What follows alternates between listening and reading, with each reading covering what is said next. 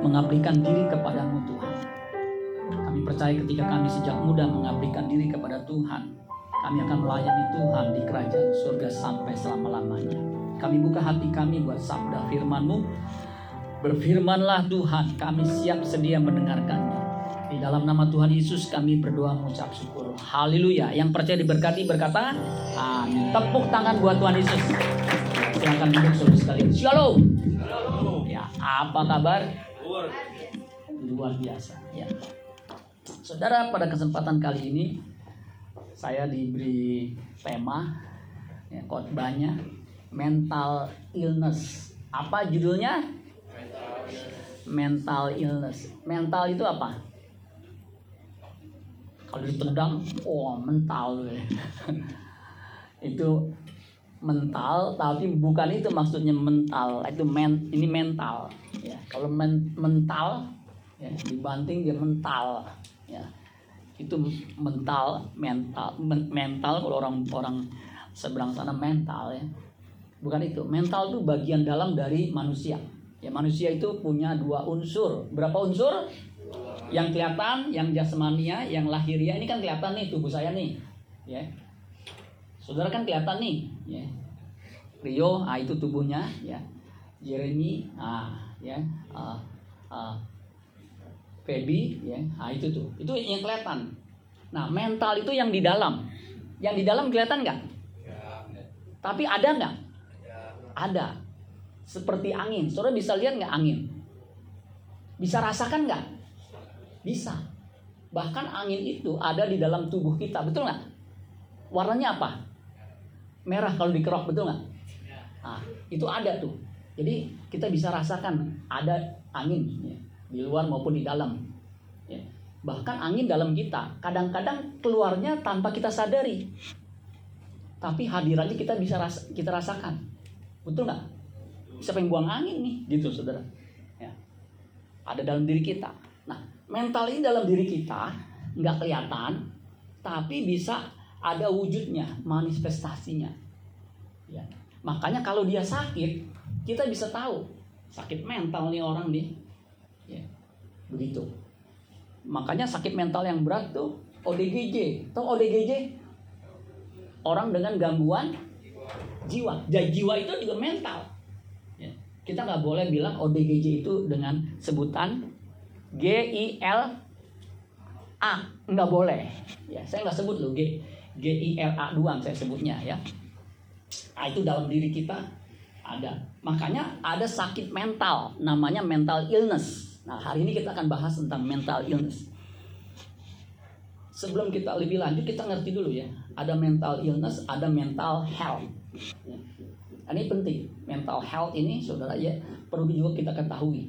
Kalau saudara mengalami gangguan mental, karena mental saudara nggak sehat, itu uh, akan sulit maju. Ya, makanya sejak muda ini, ini luar biasa. Ini sebenarnya kelas yang berat Ya, saya lagi renungkannya, bisa nggak saya sampaikan ya kelas yang berat ini soal mental ya. Ternyata saudara sekalian, saya berharap ya bahan yang saya siapkan ini nggak begitu banyak bisa membekali saudara. Nah, kalau saudara bisa memahami kebenaran ini, wah nanti umur saudara 25, 30, saudara akan lebih daripada teman sebaya saudara. Karena saya sudah ngalamin. Ya. Saya remaja tuh sejak sekolah minggu itu ada di gereja. Betul. Pas saya kerja, saya punya kelebihan. Ya. Bukan kelebihan berat badan, bukan. Badan saya segini-segini aja. Saya punya kemampuan mental, ya. saya bisa ngomong di depan. Padahal pangkat saya nggak begitu tinggi. Nah itu kelebihannya.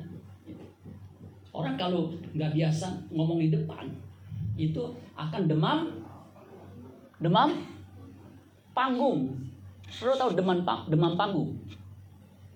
Oh, bingung. Ah, begitu saudara. Kakinya gemetaran begitu kalau ngomong. Tapi kalau saudara udah biasa, ya, mental saudara jadi kuat, betul nggak? Padahal kan di panggung itu ditatap. Ya, kalau di sini kan ada puluhan, ada 30 sekian ya. Nah, kalau udah ribuan, melihatin begitu, kita lihat nih, kayak tertuduh nih. Lama-lama begini. Begitu saudara. Tapi kalau mental kuat, kita lihatin aja semua satu-satu ya. Begitu saudara ya. Itu kelebihannya. Nah, itu berguna saudara sekalian. untuk kita bisa uh, maju di dalam marketplace. Nah, mental health itu adalah kesehatan mental. Ya. Itu sebuah kondisi, sebuah apa? Coba katakan kondisi. kondisi. Ya, makanya ada sikon, situasi dan kondisi, di mana individu terbebas dari segala bentuk gejala-gejala gangguan mental. Jadi kalau terbebas dari gangguan mental, namanya mental health. Ya, mentalnya sehat. Ya. Kalau dalam ilmu medis, kedokteran, ya, gangguan itu disebut trouble. Heart trouble, gangguan jantung. Stomach trouble, gangguan perut. Nah, itu uh, istilah kedokteran. Nah, gangguan mental itu lebih bersifat psikologi. Ya. Individu yang sehat secara mental dapat, perhatikan, berfungsi secara normal dalam menjalankan hidupnya. Kita kan perlu menjalankan hidup, betul nggak? Ya. Kalau saudara remaja, bangun, kemudian doa, kemudian siap berangkat sekolah, kemudian di sekolah belajar, bergaul sama teman, kemudian ada istirahat, makan, kemudian belajar lagi, selesai pulang ke rumah biasa pulang ke rumah ngapain? Ya kalau saudara yakin di rumah udah sampai sore makan lagi ya. Kemudian istirahat sebentar kemudian bangun belajar siapin buat besok. Nah begitu tuh iramanya itu masih normal itu normal betul nggak? Tapi kalau keganggu ya bangun aneh aneh.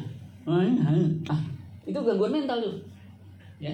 Sulit untuk berfungsi Misalnya siapa namanya ya? Bejo. Kamu bukan bukannya sekolah, ini udah jam 6. Hah? Mana mana? Bejo lu jadi kenapa? Itu gangguan mental tuh. Ya. Ada yang begitu dipanggil. Ya. Itu gangguan tuh, nggak bisa berfungsi normal. Mau sekolah nggak bisa, mau nyebrang atut-atut begitu. Ya. Di sini siapa yang biasa nyebrang dari jalan besar? Siapa yang yang biasa kalau nyebrang bang nggak gitu sulit siapa? Tapi biasa ya? Nih, biasa ya? Belajar di mana tuh? Apa? Kasih tangan ya.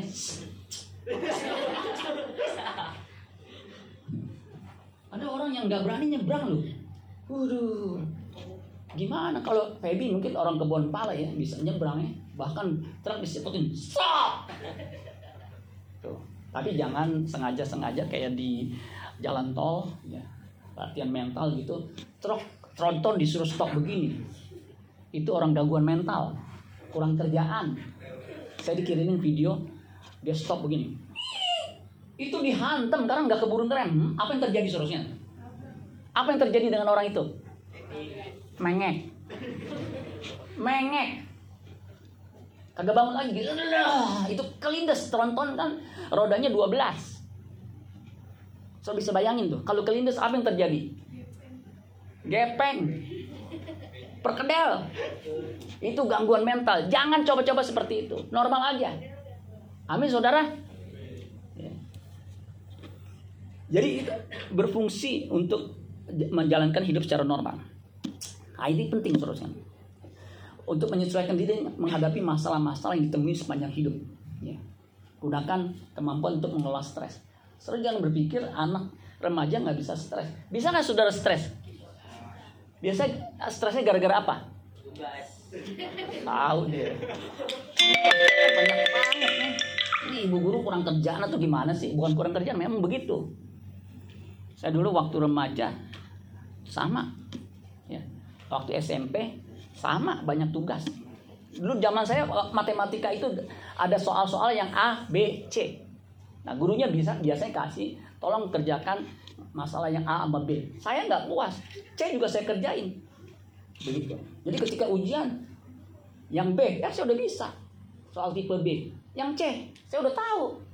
Ya, begitu. Kesehatan mental merupakan hal penting yang perlu diperhatikan. Selayaknya kesehatan fisik. Fisik ini semua mesti perhatikan, betul nggak? Olahraga N1, N2, N3, encok. gitu. N1, N2, N3, encok gitu saudara. Olahraga push up, pull up, stand up, komedi saudara ya. Olahraga. Kalau perlu Saudara nih yang badannya bagus nih, kan Daniel, Daniel ya? Apa Vincent? William. Kan yang tinggi-tinggi tuh push up. Gak kuat om. Ya, paling sekali udah ngek gitu. Otot itu mesti dilatih. Betul nggak? Latih gitu tuh. Kalau push up yang ngangkat ininya, jangan pantatnya ngangkat. Supaya otot ininya, bicepnya, tricepnya, ini, ini. Latih perut, sit up. Kalau kalau perut kalau kegendutan susah. Mau lari susah. Ya, begitu. Ini mesti dijaga. Susah om, perut udah gini gini turuninnya. Gampang, ditepuk-tepuk. Sehari tiga kali. Sambil ngomong, malu-maluin, malu-maluin. Kalau nggak kempes juga, pakai minyak zaitun, campur sama bangkong iris kecil-kecil, diolesin. Kempes om, enggak mengkilat. Ya kagak bisa. Jaga kesehatan. Makan jangan rakus. Makan secukupnya. Amin. Jangan makan B1, B2, B3. B1 apa? Anjing. B2, babi. B3, bodat. B12 juga dia makan. B13, sabun saudaranya. Makan jaga. Babi hong dia makan, babi merah dia makan, babi kecap dia makan, bahkan babi ngepet dia makan. Lah, kalau gimana nggak sakit? Jangan makan. Kentucky makan secukupnya, amin. Makan enak-enak jarang-jarang, amin. Makan enak-enak jarang-jarang. Kecuali kondangan, ayo makan itu. Jangan mau makan enak mulu, makan sayuran supaya sehat. Olahraga, istirahat yang cukup. Fisik mesti diperhatikan. Jangan sampai baru umur 17 kalau batuk udah kayak aki-aki jaga kesehatan amin sama pentingnya mental juga mesti dijaga supaya stabil. Amin. Jangan sampai ngadepin orang mau salaman saya dulu minder. Kalau ketemu orang aduh ntar gue ditanya-tanya. Padahal IQ saya tinggi loh. Pas dites IQ saya di atas rata-rata. Rata-rata kan 110 saya jauh. Tapi saya malu. Nggak tahu terus. Gangguan juga tuh. Saya nggak berani. Wah kalau saya dari kecil udah ini, waduh, mungkin Raffi Ahmad juga kalah sama saya. Saya malu. Kalau tampil gitu malu. Sekarang malu-maluin saudara ya. Nah itu mentalnya. Jadi sama pentingnya. Mental sama fisik itu saling mempengaruhi. Mensana in corpora sano. sano. Ya, artinya apa? Mensana in corpora sano artinya apa? Betul, main di sana kopernya taruh di sono. Nah, itu. Ya. Dalam tubuh yang sehat terdapat jiwa yang kuat atau sehat. Dalam jiwa yang kuat ada tubuh yang sehat. Saling pengaruh mempengaruhi. Sekarang mental illness, mental illness. Ya. Gangguan pada kesehatan mental bukan sebuah keluhan yang hanya diperoleh dari garis keturunan. Jadi bukan hanya keturunan, memang ada orang yang punya cenderung ODGJ. Ya, makanya kalau dalam konseling pranikah, saya tanya ada nggak yang keluarganya keturunan sakit jiwa? Memang punya potensi, ya begitu. Kalau orang sakit jiwa repot sembuhinnya. Tapi saudara, ya tuntutan hidup tadi tuh banyak PR. Pak, IQ saya nggak tinggi pak. Berapa? 180. 180 mah tinggi atau itu sekeluarga pak nggak sekeluarga mah 180 rendah ya banyak tugas jadi saya nggak mampu nggak apa-apa cicil ya kalau tugas banyak cicil kalau belajar cicil setiap hari belajar Sudah tahu nggak waktu saya SMP saya belajar berapa jam ada yang tahu? 12 jam kagak makan kagak minum maksudnya belajar di rumah di selain di sekolah jadi udah pulang eh udah dari sekolah saya pulang berapa jam kira-kira ah 4 jam Makanya nggak heran nilai saya tinggi. Kalau nilai saya, saya, nilai kita tinggi, itu gampang mau masuk ke mana aja. Amin.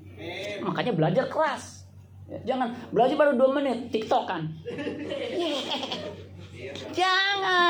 Belajar tekun begitu. Mata sampai melotot-melotot. Liatin huruf-huruf sampai hurufnya mental. Begitu saudara, ya.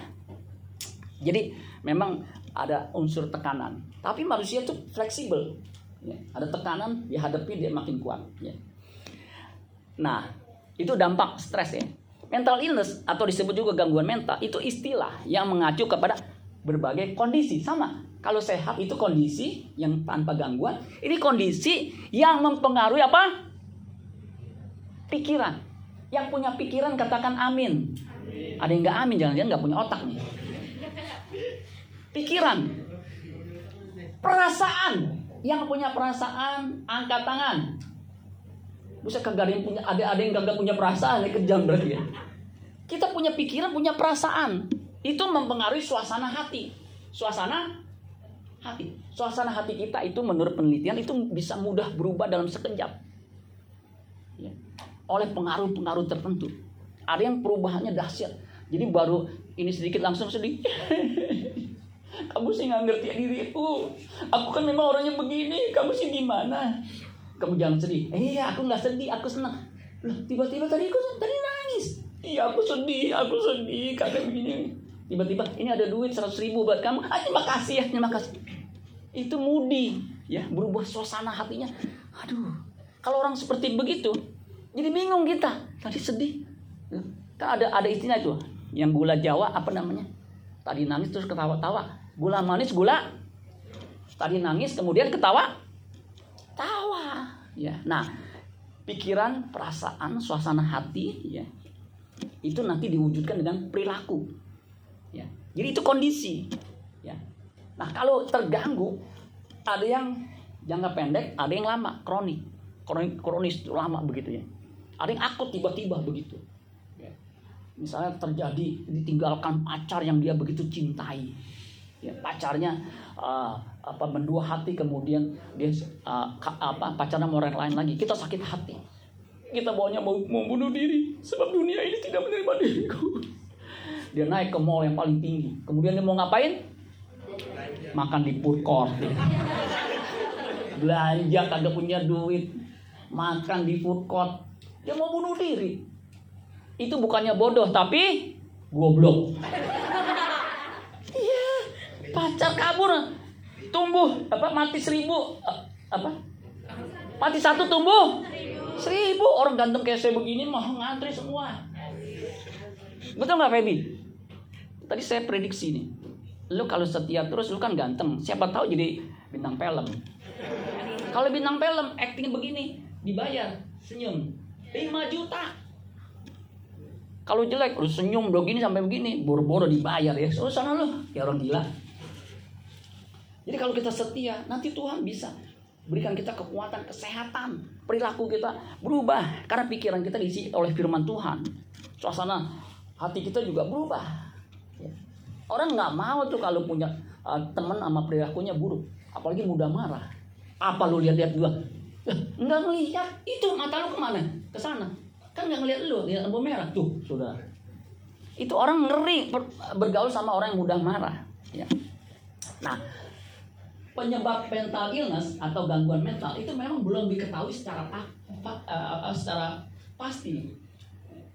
Tetapi diduga banyak faktor.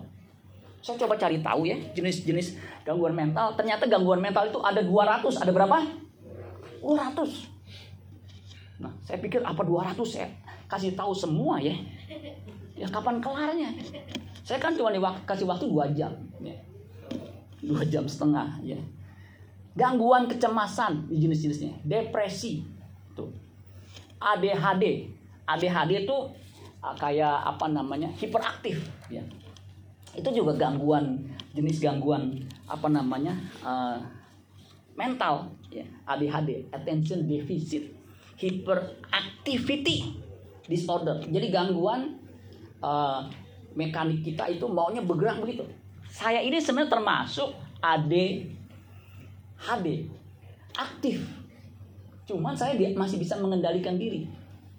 Ada yang namuk ke saya anak muda ya namuk Om dari tadi saya lihat kagak bisa diem, ngambilin minum lah, ngambilin biskuit lah, kemudian duduk pindah sini lah. Saya bilang iya benar juga ya, begitu ngobrol lah, begitu. Tapi saya untung bisa mengendalikan, ya itu ADHD. Yang yang tadi nomor satu tuh kecemasan, kekhawatiran ini uh, apalagi sekarang ya, setelah pandemi ini luar biasa, saudara. Hati-hati ya. Uh, menurut penelitian ini penelitian ya, uh, di dunia ini ada 40 42 persen, ya, 42 persen populasi itu mengalami kecemasan. 42 persen. Jadi kalau 10 orang itu empat orang lebih itu mengalami kecemasan, cemas, ya. khawatir, bimbang. Ya. Negara-negara yang diteliti ternyata Afghanistan itu populasinya 80% warganya mengalami kecemasan. Kemudian Brazil 67%, Lebanon 64%, Indonesia berapa saudara sekalian? 38 persen. Puji Tuhan, syukur, alhamdulillah, nggak sebanyak itu. Nah, itu hasil penelitian Gallup Global Emotion tahun 2022 baru. Nanti saudara, resesi tahun depan 2023 diprediksi itu akan terjadi peningkatan gangguan kecemasan. Itu gangguan mental. Saya berharap saudara nggak terganggu mentalnya. Amin saudara. Jangan khawatir dengan apa pun juga. Ya. Damai sejahtera Allah yang melampaui segala akal akan memelihara hati dan pikiranmu dalam kuasa dalam Kristus Yesus. Ya, ayatnya di mana Pak? Di Alkitab. Depresi, ADHD, gangguan makan. Nah, gangguan makan ini ada yang makannya sedikit. Kalau bahasa ininya secuil, tahu secuil? Jadi makannya dikit. Jadi cuma begitu doang. Ya, kok nggak lagi? Enggak. Takut gemuk. Minum dikit kayak capung nyuk nyuk udah enggak itu juga gangguan mental ada yang makannya banyak jadi piringnya segini tapi nasinya munjung-munjung kayak gunung tanggupan perahu tinggi begitu jadi piringnya mana kagak kelihatan sekali makan banyaknya luar biasa udah makannya banyak kemudian nambahnya juga banyak ya, saya berharap di sini nggak ada yang makan sampai banyak-banyak kesian mamanya amin makan secukupnya aja Ya, saudara makan seberapa banyak? Seberapa banyak, Pebi, kalau makan? Hah? Rio makan seberapa banyak? Rika? Enggak, sekali makan berapa banyak? Se apa? Sepiring? Sepanci? Orangnya kecil makanya sepanci. Gangguan stres pasca trauma. Kalau mengalami trauma jadi stres, itu juga hati-hati. Kemudian skis, skis, skizofrenia. Skizofrenia itu sama dengan gila. Ya, saya berharap di sini enggak. Nah, gejala-gejalanya, nih, saudara nanti perhatikan gejalanya. Ya. Gejalanya ada masalah konsentrasi. Dia nggak bisa konsentrasi, apalagi dengan khotbah. Udah mulai gini nih. Amin. Masih aja sampai remaja pada pulang pada rumahnya makan siang dia masih gini pandang masuk ini ada suara apa ya remaja masih mor morok ya itu nggak bisa konsentrasi kemudian suicidal thinking jadi punya keinginan bunuh diri jangan sampai bunuh diri masuk neraka sebab membunuh tidak ada pembunuh yang masuk dalam kerajaan surga kita wahyu jangan tapi pak saya sakit pak, ditinggal pacar saya yang saya sudah mencintainya. Nggak ada wanita lain. Ah, ya, goblok loh. Jangan. Bapak sih nggak ngerasain bagaimana ditinggalkan pacar. Pak, eh gue udah ngerasain. Gue ditolak tiga kali nggak ada masalah. Mati satu tunggu seribu. Dia nggak mau banyak yang ngantri sama gue. Mesti begitu, amin. Jangan apa, jangan go. Goblok. Kalau ditinggal pacar bunuh diri itu bukannya bodoh tapi goblok. Itu ada loh. Saya gue heran nih. Ada orang segoblok begitu. Lah, dia kagak besarin kita. Kita ditinggal. Nggak ada dia juga kita hidup betul nggak? Tapi bapak nggak ngerasain sih pak sakitnya di sini pak. Hei, jangan. Amin. Kalau makanya supaya nggak ditinggalin, jangan pacaran dulu. Amin. Kalau saudara punya prestasi, saudara di kantor udah kerja, wah penghasilannya sebulan 20 juta, pakai iPhone, punya mobil, nanti cewek bererot, lu ngapain ngantri ini? Mau jadi pacarmu, tinggal pilih mau Desi, mau Ratna, mau Suci, mau Elinda, atau mau siapa? Apa mau Sioma ya? Terserah. Amin. Paranoia itu tadi itu gangguan jiwa anger management issue jadi nggak bisa mengendalikan kemarahan sleeping problem Jadi kalau di rumah nggak bisa tidur. Tapi di gereja dengar firman tidur. Aneh, itu sleeping problem. Kemudian excessive use of alcohol. Di sini nggak ada kali ya. Minuman keras gitu, paling uh, cap tikus, betul lah. Ya? Inability to cope with stress, stress. Ada banyak tugas banyak-banyak, nggak usah selesaiin satu-satu. Amin. Yang lain juga banyak tugas bisa, masa saya kagak bisa? Betul nggak Agis? Agis diam-diam, PR kagak ada yang nggak selesai. Selesai semua. Dikerjain kagak. Excessive fear or worries. Jadi kalau bilang ketakutan, ntar hujan gimana? Ya hujan kan air. Kecuali hujan batu. Kecuali hujan paku. Kecuali hujan duren. Ini hujan air, takut sih. Sini siapa yang takut sama air kalau gerimis? Kambing itu takut sama air. Kita bukan kambing, amin kita Raja Wali. Yang Raja, Raja Wali tepuk tangan. Ada yang gak tepuk tangan, jangan-jangan kambing saudara. Apalagi tuh, feeling sad, rasa sedih. Tadi udah, apalagi yang belum? ya. Nah ini extreme mood change. Extreme mood change, change itu maksudnya berubahnya cepat begitu. Itu mental illness tuh, gangguan mental. Hati-hati. Di sini siapa yang lagi ketawa kemudian nangis lagi nangis ketawa kayak gula manis gula jawa ada nggak yang begitu saudara berdoa Tuhan kenapa saya suka ketawa-tawa kemudian saya suka nangis nangis sih Tuhan doa amin saya jadi mengganggu nih ya. jangan sampai begitu ya Max ya nah saudara di sini kita perlu sehat jasmani. Alkitab ternyata ini luar biasanya. Ini perhatikan, luar biasanya. 3 Yohanes 1 ayat 2. Ini surat Yohanes, murid Tuhan Yesus, itu ada tiga suratnya. Ya, ini yang ketiga. Cuman satu pasal. Satu pasal. Saudaraku yang kekasih, aku berdoa, semoga engkau apa? Baik-baik dan apa? Sehat-sehat saja. Yang mau baik-baik dan sehat-sehat saja, katakan amin. amin dalam segala sesuatu, segala sesuatu. Ya. Sama seperti jiwamu baik-baik saja. Artinya, kita harus sehat, baik-baik saja, sehat tubuh maupun jiwa. Itu yang oleh eh, bahasa Latin dikatakan mensana in corpore sano, yang artinya dalam tubuh yang sehat terdapat jiwa yang kuat atau sehat. Jadi tubuh jiwa harus sehat supaya kita bisa berfungsi normal. Terjemahan firman Allah yang hidup mengatakan begini untuk ayat yang sama. Perhatikan, sahabatku yang baik, yang mau jadi sahabat yang baik katakan amin. amin. Nah ini Rasul Yohanes bilang sahabatku yang baik. Ini untuk sahabat nasihat. Maka firman Tuhan ini untuk saudara sahabat yang baik. Aku berdoa. Ya sahabat yang baik pasti berdoa. Semoga engkau apa? Baik-baik saja. Dan jasmanimu sama apa? Sama sehatnya seperti rohanimu. Jadi saudara ini punya tubuh jasmani dan roh rohani itu dua-duanya mesti dikasih makan, diimpanin. Kalau tubuh jasmani makan bakso hijau, makan tahu, makan tempe, makan nahi, makan nahi, makan nasi, segala macam. Kalau tubuh rohani makanannya apa? Firman. Amin. Dengar firman, baca Alkitab. Kalau jasmani makanannya capcay, puyung hai, siomay, barongsai. Kalau tubuh rohani, makanannya firman Tuhan. Makan jangan sampai mau dengar firman Tuhan pura-pura ngencing. Kemudian mampir ke Pandang, kemudian ke ke Alfamart. Udah setengah jam baru balik. Udah uh, pendetanya udah nyanyiin lagu setelah firman Tuhan. Ya.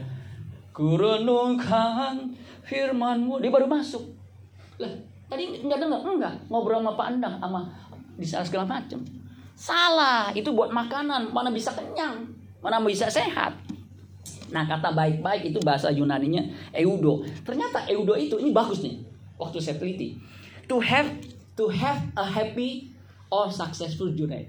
Artinya mempunyai perjalanan yang sukses dan bahagia. Di sini siapa yang mau perjalanannya bahagia, mau perjalanannya sukses? Angkat tangan. Jangan angkat kaki, saudara. Ini khotbah buat saudara yang mau sukses perjalanannya. Perjalanan saudara masih panjang. Ini kan baby paling umur uh, eh, 12 betul nggak?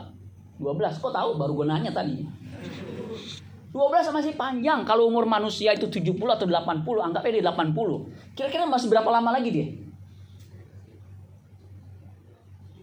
Sekarang kan anggapnya 12, nanti dia mati umur 82 umpamanya ya. Masih berapa lama lagi? 70. Kan masih panjang betul nggak? Kalau saya kan umur 57. Kalau mati umur 77 berapa tahun lagi? 20 tahun lagi. Kalau kuat, betul nggak? Saya memang udah jaga kesehatan. Tapi namanya umur kita kan tiga tahun. Ada yang lagi khotbah tiba-tiba bisa. Ya. Jadi itu to grant prosperous and expeditious journey. Ya.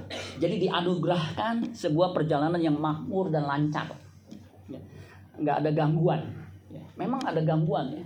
Kayak saya dulu, saya kepengen banget supaya saya jangan uh, pendidikannya SMA begitu. Saya pengen kuliah. Tapi terkendala, terganggu dengan uh, uang kuliah itu mahal. Jadi saya bilang, aduh saya nggak bisa kuliah, ya udahlah Padahal saya tahu potensi saya dari SMP sebenarnya saya tuh juara kelas terus. Kalau saya gagal kuliah kan sayang. Tapi puji Tuhan papi saya tuh ngerti. Ya, makanya dia jual sawahnya, kebunnya, warisannya, dia buat modal saya kuliah. Tuh, makanya saya bisa selesaikan S1. Ya bukan hanya S1, S2. Kalau perlu S doger sama abang-abangnya saya ambil. Tapi kan terbatas waktu. Ya. To lead by a direct and easy way. Ya, memimpin kepada suatu cara yang langsung dan mudah. Ini kerinduan dari Rasul Yohanes. Eudo itu dari dua kata. Eu itu baik. Hodos itu jalan. Nah, ternyata Yesus itu adalah jalan kebenaran dan hidup. Kata jalan di sini memakai kata hodos. Yesus itu bukan jalan yang baik, tapi satu-satunya jalan yang terbaik untuk bisa mencapai potensi kita yang paling maksimal. Nah, kita harus miliki itu. Nah, sebenarnya secara metafora, eudo itu adalah perilaku yang baik. Amin. Perilaku yang baik itu ditentukan oleh kesehatan jasmani yang baik dan mental yang baik. Amin. Kalau saudara punya perilaku baik, percayalah orang pasti cari saudara. Ya, ada satu ujian apa uh, semacam uji coba begitu. Orang yang mau diinterview tuh dimasukin di satu ruangan, ruangan tunggu. Pada masuk tuh interviewer, interview apa yang di interviewer yang diinterview mau ya mau diinterview masuk. Kemudian ada satu ya masuk. Dia lihat suasana kemudian gitu. Kemudian ada meja di situ ada majalah. Aduh dia nggak betah diberesin ini. Ada apa kertas-kertas atau bekas permen dia masukin ini diketahuan kayak cleaning service deh kayak cleaning service. Iya nggak apa-apa. Kemudian dia duduk dia lihat oh lampu kurang terang dinyalain supaya bisa kelihatan gitu ya. Tuh. Ini cleaning service nih jangan-jangan anaknya cleaning service nih. Gitu ya dia lihat kan. Terus dia bilang senyum gitu ya. Iya. kemudian dipanggil satu-satu tuk, tuk, tuk, begitu. Ya. nggak lama dia dipanggil. Kemudian dia bilang tadi kok bapak interview yang itu cepet ya memang cepet saya suruh keluar semua saya panggil namanya doang. Lah ini saya gimana pak? Kamu jadi pegawai sini? Lah kenapa pak? Kan bapak belum nanya. Saya udah lihat perilaku kamu paling baik di antara puluhan yang di ruangan itu. Gimana bapak? Kok tahu? Kan ada CCTV, CCTV, CCTV.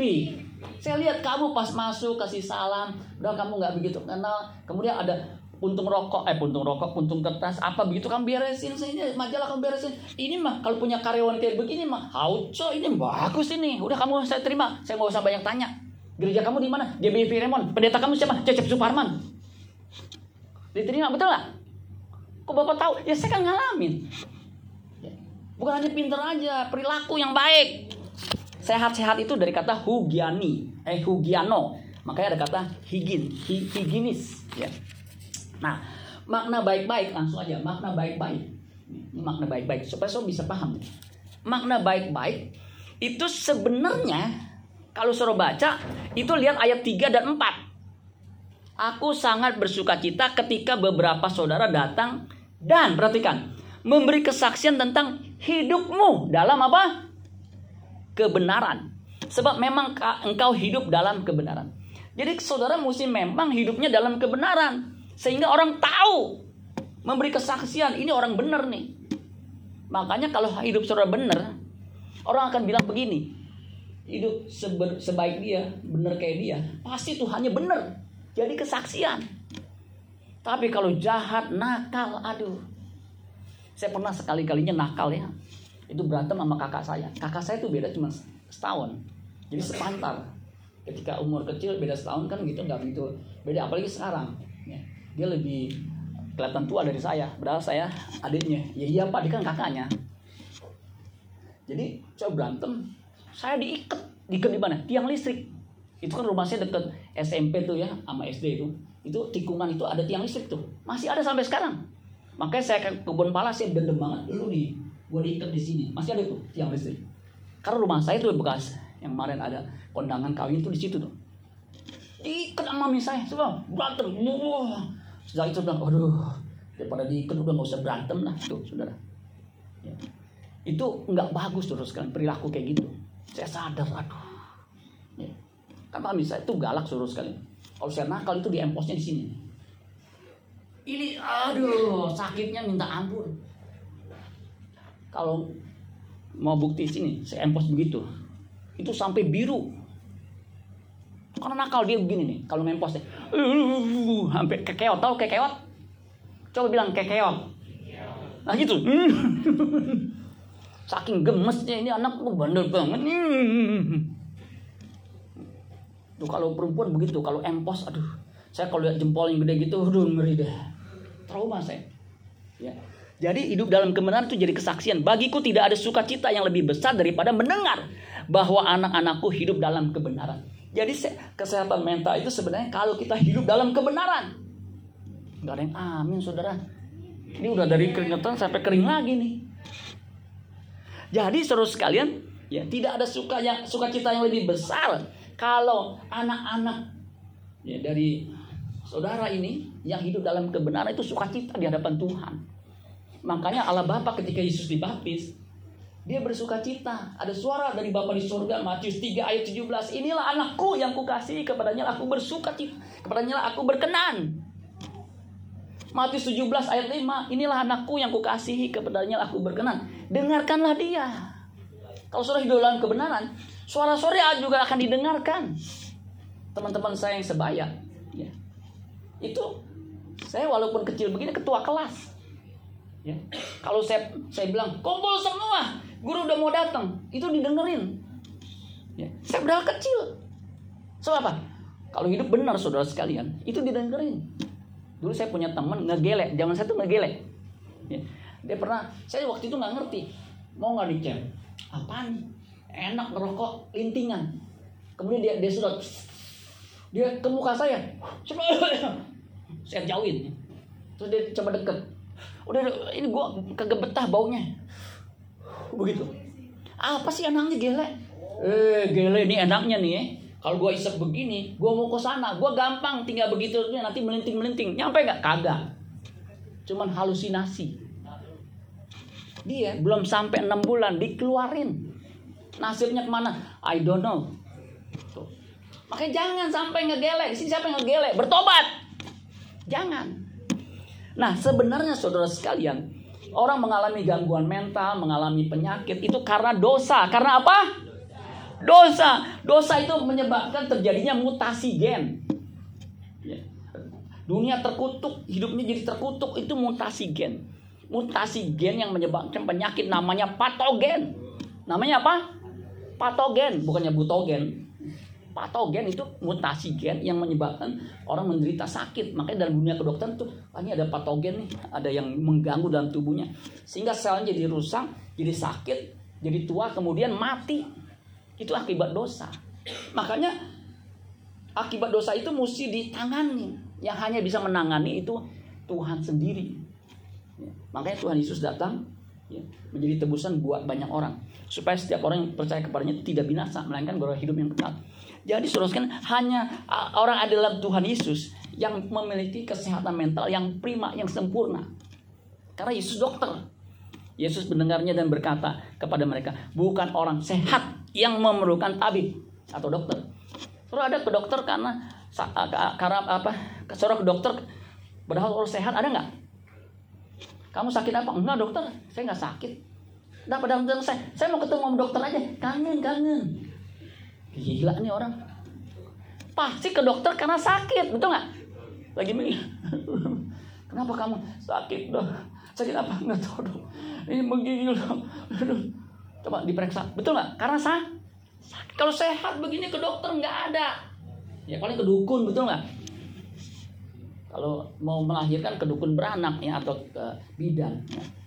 Nah Yesus bilang, ya, aku ber, mana? Bukan orang sehat yang memerlukan tabib, tetapi orang sakit.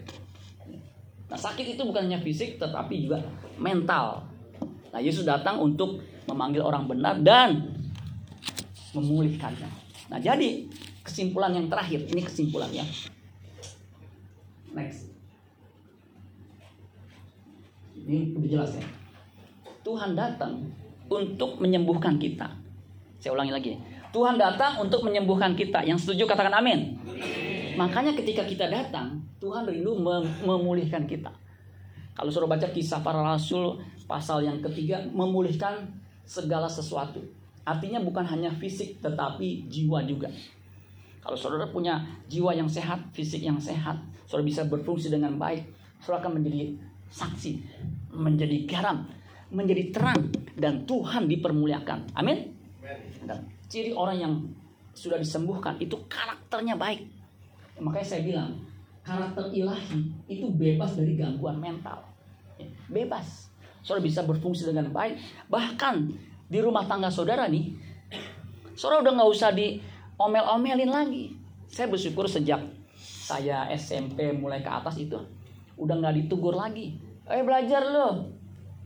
Udah nggak. Eh pulang jam malam, anak udah nggak. Semuanya Mami udah oke, okay, oke, okay, oke. Okay. Sambil kuliah, sambil kerja, saya udah nyari duit sendiri. Tuh, saudara, berfungsi normal, bahkan lebih dari orang normal. Karena apa? Dipulihkan. Ya.